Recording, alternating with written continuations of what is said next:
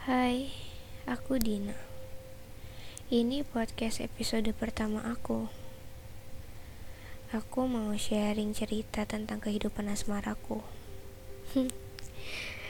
Klise banget ya. Tapi ya emang ini yang pengen aku bagi ke kalian. Bahwa nggak bisa segampang itu percaya sama orang Gak bisa semudah itu ngasih kasih sayang sepenuhnya ke orang. Jadi dulu aku kenal dengan satu cowok. Cowok ini ganteng, ya lumayan ganteng lah. Tinggi, ramah. Ya aku rasa dia ramah ke semua orang sih. Waktu itu dia ngasih nomornya ke aku dan dari situ kita sering balas-balasan story WhatsApp. Lama-lama kita deket, teleponan setiap malam, ngasih perhatian yang bikin aku sebaper itu gitu loh.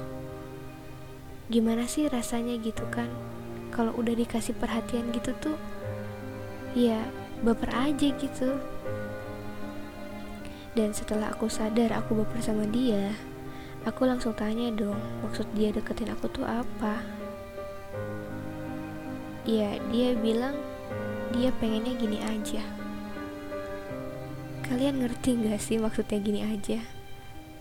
Dia tuh pengen kita gini aja udah Deket aja Gak usah pacaran TTM gitu Dan jujur ya Aku takut banget sama yang namanya TTM Parno TTM tuh gimana ya?